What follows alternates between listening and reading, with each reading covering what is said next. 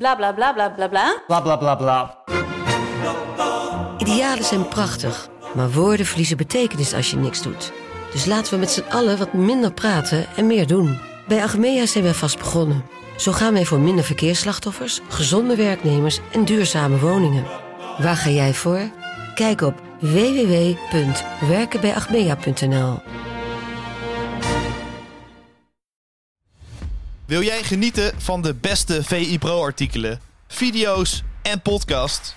En wil jij nog meer inzichten krijgen rond al het voetbalnieuws?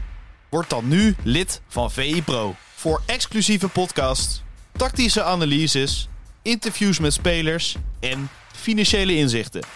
Ga nu naar vi.nl slash zsmpro voor de scherpste aanbieding. Welkom bij VI ZSM, de dagelijkse podcast van Voetbal International, waarin we jou elke ochtend zo snel mogelijk, vandaar ZSM, bijpraten over het laatste voetbalnieuws. Mijn naam is Kalum van Oudheusden en aangeschoven is onze eigen hoofdredacteur Pieter Zwart. Goedemorgen. Goedemorgen. En met jou gaan we de best gelezen artikelen op eh, vi.nl bespreken, waaronder onder andere Stenks en Stoem Gras. Laten we beginnen bij de eerste, Kelvin Stenks, voor vier jaar naar Feyenoord. Uh, logische keuze? Nou, het is in ieder geval heel snel gegaan uh, ineens. Er was uh, vorig jaar natuurlijk ook al uh, sprake van. En deze transfer is er eentje die natuurlijk een beetje in de categorie valt. Ali Reza, Jahan Box, Oussama Idrissi. Ja, spelers die Arne Slot kent vanuit zijn tijd bij AZ. Ook eigenlijk is iedere keer hetzelfde verhaal dat zij onder Slot een hoog niveau gehaald hebben. En daarna bij hun andere clubs heel veel moeite hadden om dat niveau weer te halen. En dan probeert Feyenoord ja, ze met slot weer tot leven te wekken. En dat is ook alweer uh, een klein beetje het verhaal met uh, Stenk. Zo heeft hij vorig jaar onder uh, Mark Verbommel bij Antwerpen alweer een beetje een opleving gehad. Maar die is sinds het vertrek van slot is hij bij AZ eerst eigenlijk al minder geworden. En bij Nice totaal niet uit de verf gekomen. Dus ja, die probeert hij weer de kus van nieuw leven te geven. Dus dat wordt wel een interessant project. Met het verschil zeg maar, ten opzichte van uh, vorig jaar... is dat Feyenoord er nu de financiële middelen heeft om hem definitief in te lijven.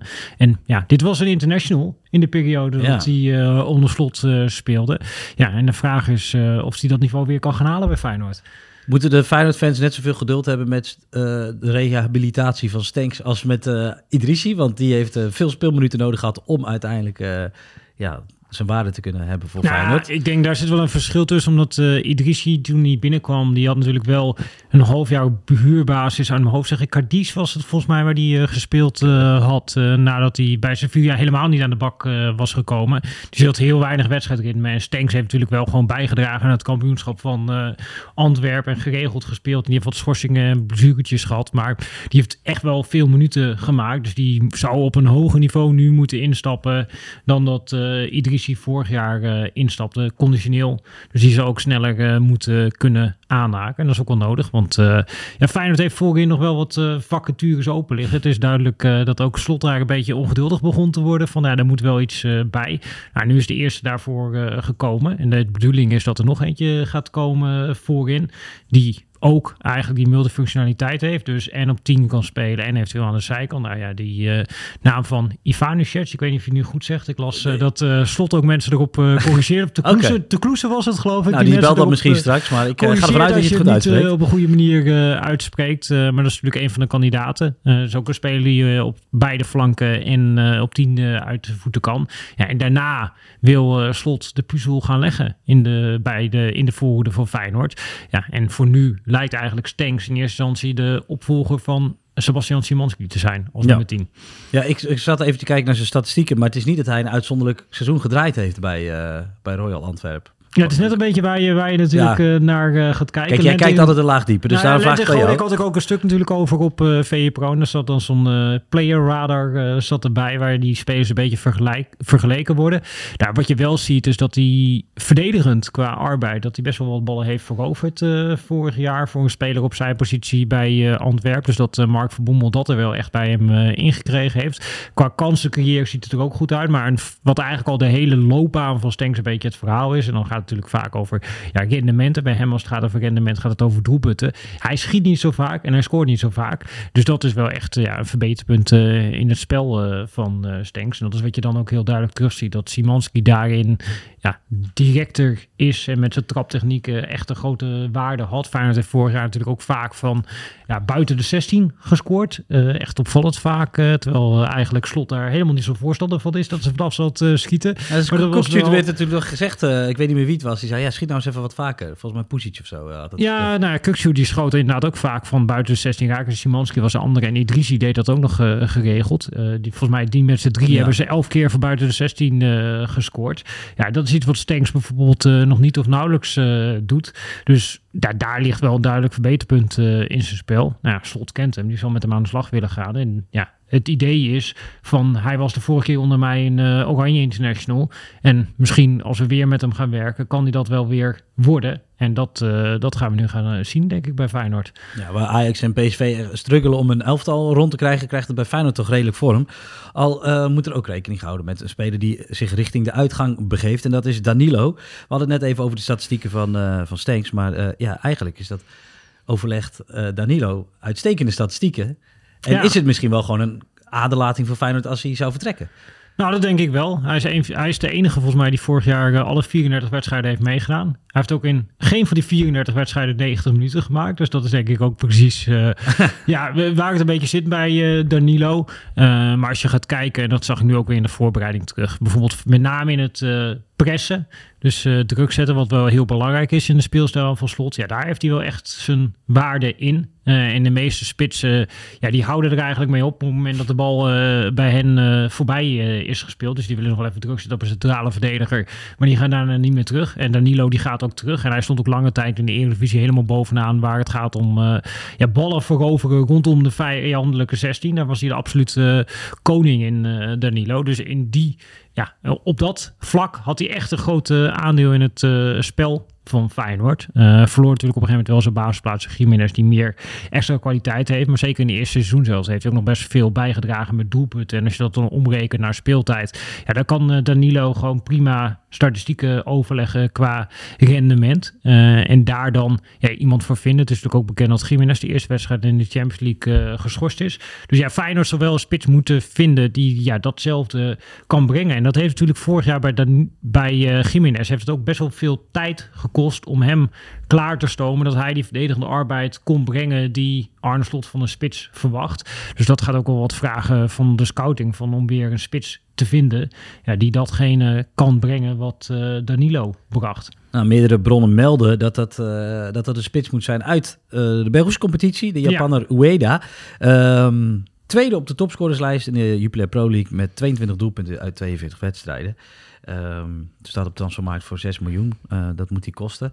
Logische vervanger voor uh, Danilo dan? Ja, dat Want ja, eh, voor Danilo krijgen ze ongeveer 6 miljoen. Nou, ik denk, denk uh, kijk, dit is typisch zo'n spits. en dat is onze spits waar we hebben zelf natuurlijk ook gebracht dat hij op de lijst staat. waar we dan op een gegeven moment deze week een keer in moeten duiken. Omdat, ja, je kunt natuurlijk inderdaad de statistieken erbij pakken en zeggen, oh, hij heeft een paar doelpunten gemaakt. Misschien is het een goede spits. Maar ja, waar, spits? Ja. waar het met name natuurlijk om gaat, is hè, bepaald gedrag wat je van die spits zou willen zien in druk zetten, dat soort uh, dingen, moet je denk ik heel specifiek naar beelden gaan kijken om ja, te zien, is dat een element wat in zijn spel zit? Hoe maakt hij zijn doelpunten? Krijgt hij ook eigenlijk dat soort ballen bij uh, kan hij dat uh, expected ook, goals, zeg maar, waar die dan liggen? Of, Nou ja, je, je hebt A, inderdaad expected goals in daadwerkelijk aantal doelpunten. Dus heb je kale statistieken. Nou moet je op een gegeven moment ook weer beelden bij gaan pakken. Dus nou, het kan bijvoorbeeld zijn, hè, Cerco Brugge, dat die enorm spelen op heel veel vroege voorzetten. Ja, nou, als dat het geval is, ja, die hebben fijn bijvoorbeeld minder krijgen. En ja, die vertaling moet je op een gegeven moment gaan maken. Dat is natuurlijk ook het werk wat scouts van Feyenoord doen. Meestal die ook wel een beetje navraag naar ja, mensen in zijn omgeving. Van uh, ja, wat voor type speler is dat? Wat is zijn karakter? Dat is natuurlijk ook bij een club als Feyenoord. Zeker in de speelstijl ook weer van slot belangrijk dat hij daarbij past. ja, dus al dat soort aspecten moet je eigenlijk naast elkaar gaan leggen. Voordat je daar een heel goed oordeel over kan geven. En ik heb op dit moment gewoon nog te weinig van die specifieke spits gezien. Om hier te zeggen van ah, dat, dat zou een hele goede zijn of dat zou geen hele goede zijn. Want dan moet je inderdaad ja, hem eigenlijk met de ogen voor slot gaan bekijken. Beelden van hem. Uh, en dan ook 90 minuten. Dus je kunt een highlight clipje gaan bekijken op YouTube. Maar dan zie je bal hem erin schieten. Maar dan zie je niet wat er gebeurt als nou, eigenlijk dat aspect waar Danilo heel goed in was. Een centrale verdediger speelt op een gegeven moment een verdedigende middenvelder aan. Gaat hij er dan achteraan? Of denkt hij, nou, ik geloof het allemaal wel. Uh, en ook ja, bij bijvoorbeeld Jiménez. Ja, die, nou, daar, daar zag je ook al wel meteen in zijn beelden in Mexico. Van, nou, dat hij wel die bereidheid had om dat te doen. Nou, dan de kwaliteit van de uitvoering. Daar kun je vraagtekens uh, bij zetten. En dat is eigenlijk bijvoorbeeld ook Ivanovic. Die heb ik bijvoorbeeld wel bekeken. Nou, daar zie je ook een enorme bereidheid om te verdedigen. Dan zie je dat uh, ja, keuzes die hij tactisch maakt, dat dat nog niet top is. Maar dan denk je wel van, oké, ja, als die bereidheid er is en je gaat met hem aan het werk op het trainingsveld ja, dan gaat het waarschijnlijk wel vallen. Maar dat moet je wel eerst even gezien hebben voordat je ja, echt kan concluderen van ah, dat gaat de spits worden voor Feyenoord uh, of niet. Dus daar zullen we ergens deze week waarschijnlijk uh, wel een keertje induiken op uh, VE Pro. Oké, nou daarover gesproken, want wat jij, waar jij wel al in gedoken bent, is op de tegenstander van PSV in de voorronde van de Champions League. En dat is Sturm Graz geworden. Ja. Ja, dan doen we altijd ja, de Oostenrijkse competitie. Uh, wat kunnen we daarvan verwachten? Jij hebt drie pijlers opgeschreven waar, waarom PSV wel degelijk rekening moet houden met Sturm Graz. De nummer twee dus van de Oostenrijkse competitie. Mm -hmm. En dat is de voorbereiding, druk zetten en spelervatting. Nou, laten we beginnen bij uh, de voorbereiding. Want Pieter, die voorbereiding zit er al op. Ja, ja, die hebben gewoon afgelopen zaterdag hebben zij al een eerste officiële wedstrijd gespeeld. Dat was uh, in de Oostenrijkse beker. Hebben ze met 7-2 gewonnen. Nou, kijk eens, dat tegen, is lekker. Tegen Klagenvoort, dus dat is lekker beginnen. Die spelen zaterdag spelen ze ook alweer een uh, eerste competitiewedstrijd. En die week daarna spelen ze al een uh, topper uit tegen Las Glins. Wat nummer drie is van Oostenrijk. Ja, die kennen we ook nog wel, geloof ik. Die kennen we inderdaad ook nog wel. Die, hebben ook, die heeft ook PSV bijvoorbeeld wel eens van verloren in de periode met Mark van Bommel. Kan ik me dat nog ja. Herinneren in de groepsfase. Nou, nu is dit het team. Uh, Feyenoord won vorig jaar thuis met 6-0 van. Maar die verloren ook uit met uh, 1-0 van uh, dit Sturmgraas. Daar ken ik ze natuurlijk ook nog wel van dit team. En het is ook wel het team wat in het wereldje er goed opstaat of waar wel eens over gesproken wordt. Uh, en dan natuurlijk in het wereldje van ja, mensen die een beetje bezig zijn met uh, tactiek en statistieken. En dan gaat het natuurlijk veel over uh, spelhervattingen. en daar scoren zij uitzonderlijk goed in. In de Oostenrijkse competitie hebben ze daar het meeste uitgescoord. Okay. En het minste uit tegengekregen. En ook vorig jaar die 1-0 die ze wonnen van Feyenoord. Dat was 93 minuten een indirecte vrije trap die erin viel. afgelopen weekend speelden ze dus tegen dat team dat Klagenvoert. En maken ze ook alweer twee uh, uit een uh, corner. Dus ja, op dat vlak is het gewoon uh, opletten. Ja. En een gevaarlijke tegenstander. Want ja, als je die aspecten opzomt. Kijk, PSV heeft kwalitatief betere spelers dan uh, Graz. Maar het is natuurlijk vervelend dat je een team treft dat dus al fit is. Dat conditioneel waarschijnlijk net iets voor ligt op waar jij op dat moment staat. Ook het team dat het leuk vindt om druk te zetten. Nou, nu gaan ze onder Bos gaan ze opbouwen. En dan kom je in één keer tegen het team. En dat doen ze ook nog vanuit ja. 4-4-2 uit. Kom je Nederland eigenlijk nooit tegen. Ja, dan moeten spelers een oplossing uh, zien te vinden. En als je die bal verliest, ja, dan komen ze er met z'n allen uit. En ja, ze willen wel rennen in ieder geval, uh, deze gasten. En ja, je kunt ook nog in één keer tegen de speelwerkvatting oplopen. Dus uh, het is wel een gevaarlijke, vervelende tegenstander, denk ik, om in dit stadium te treffen. Als jij net als Peter Bos bezig bent met een nieuwe speelstijl inslijpen, al dat soort uh, dingen. Ja, gewoon een ja, vervelend team dat ja, minder is dan jij, maar wel voor jou kan winnen. Welke van die drie componenten voorbereiding die al afgerond is, uh, druk zetten en de spelervattingen, denk je dat PSV zich de meeste zorgen om moet maken? Ja, die spelervattingen denk ik. Ik denk dat dat, ja, dat is, dat is, zo, dat is zo tricky. Ja, dat, met de verdedigers die PSV heeft bedoel je op dit moment? Of, ja, precies, met die verdedigers uh, die je hebt. Uh, het is natuurlijk ook iets wat in deze fase van de voorbereiding, ja, dan gaat het natuurlijk heel erg over. Je bent je nieuwe speelstijl bij aan het inslijpen, al dat soort dingen. Dan gaat natuurlijk heel veel aandacht naartoe. Daar heb je ook eigenlijk al je trainingstijd voor nodig. En ja, dat kan natuurlijk best wel zijn dat richting zo'n wedstrijd... dat je even misschien niet zo heel veel aandacht besteedt aan die speelhervattingen. En dan is dit het team wat daar gewoon uh, genadeloos uh, van uh, gaat profiteren. Al is het ook zo dat PSV met Bos heeft Rob Maas meegenomen als assistent. Die is er altijd wel mee bezig met speelhervattingen. En PSV is daar de afgelopen jaren zelf ook heel effectief uh, in geweest uh, in de Eredivisie. Dus jaar in jaar uit uh, het meeste doelpunten eigenlijk daaruit gemaakt. In ieder geval de afgelopen twee seizoenen. Dus het is normaal gesproken ook een kwaliteit voor PSV. Maar ik kan me voorstellen dat dit aspect in de voorbereiding die PSV tot nu toe heeft gehad... ja, dat het gewoon nog een beetje een ondergeschoven kindje is geweest. Uh, en dat, daar zullen ze wel even serieus naar moeten kijken ja. richting uh, Sturm. Want ja, dat is een van de dingen waar zij gewoon goed in zijn. En dus met name ook richting de eerste paal. Dus dat is denk ik even iets, nou, daar moet aandacht naartoe. wat mij betreft zou het advies zijn, ze lekker Luc de Jong daar voor die eerste paal neer om al die ballen weg te koppen. Dan kun je dat gedeelte in ieder geval overleven tegen Sturm Graz. Nou, die moet sowieso zijn trampoline meenemen, want we kennen de doelman van Sturm Graz. Ja, Kjell Scherpen. Ja, ik zat even te kijken net, want ik wist het niet zeker. Maar inderdaad, Kjell Scherper die staat, uh, die is uh, verhuurd uh, naar Stoemgraz. Dus wat betreft hoge ballen wordt het altijd wel lastig. Ja, is, is een hele lange keeper inderdaad. ja. Ja, dat, ik zag hem inderdaad ook dat hij die kant op was gegaan. En is daar in principe is hij daar weer eerste keeper. Heeft natuurlijk geen gelukkig seizoen achter de rug bij Vitesse. Degene die daar die vorig jaar in de Eredivisie verantwoordelijk was voor de meeste tegendoelpunten door een fout te maken. Dus dat is niet per se een statistiek waar, je, waar je als keeper op uit bent. Maar het is natuurlijk wel een keeper die al sinds de tijd bij Twente te boek staat. Of bij FCM te boek staat als een groot keeperstalent. Ja, is dat ook weer bij Jong Oranje inderdaad? Ja, en het moet er nu eindelijk eens een keertje gaan uh, uitkomen. Dus uh, ja, voor hem wel weer leuk dat hij zich kan laten zien ja, aan PSV. Want normaal gesproken als je naar Sturm Graz gaat, bijvoorbeeld ook voor Emeka, die een mooie transfer van daar heeft gemaakt, ook een Nederlander, dan, ja, dan ben je eigenlijk buiten de radar. En nu komt hij eigenlijk meteen weer op de radar. En nou, hij zal hopen dat hij zich op een positieve manier kan onderscheiden tegen PSV. Tot slot, uh, PSV speelt woensdag, als ik het goed heb. Uh, als mijn agenda goed is, want dan ga, ik ga erheen naar, tegen FC Eindhoven. Ja. Denk je dan dat uh, Bos ook al bepaalde dingetjes wil, gaat, gaat, gaat proberen, zeg maar, die, die we terug kunnen zien tegen Stoemgraz?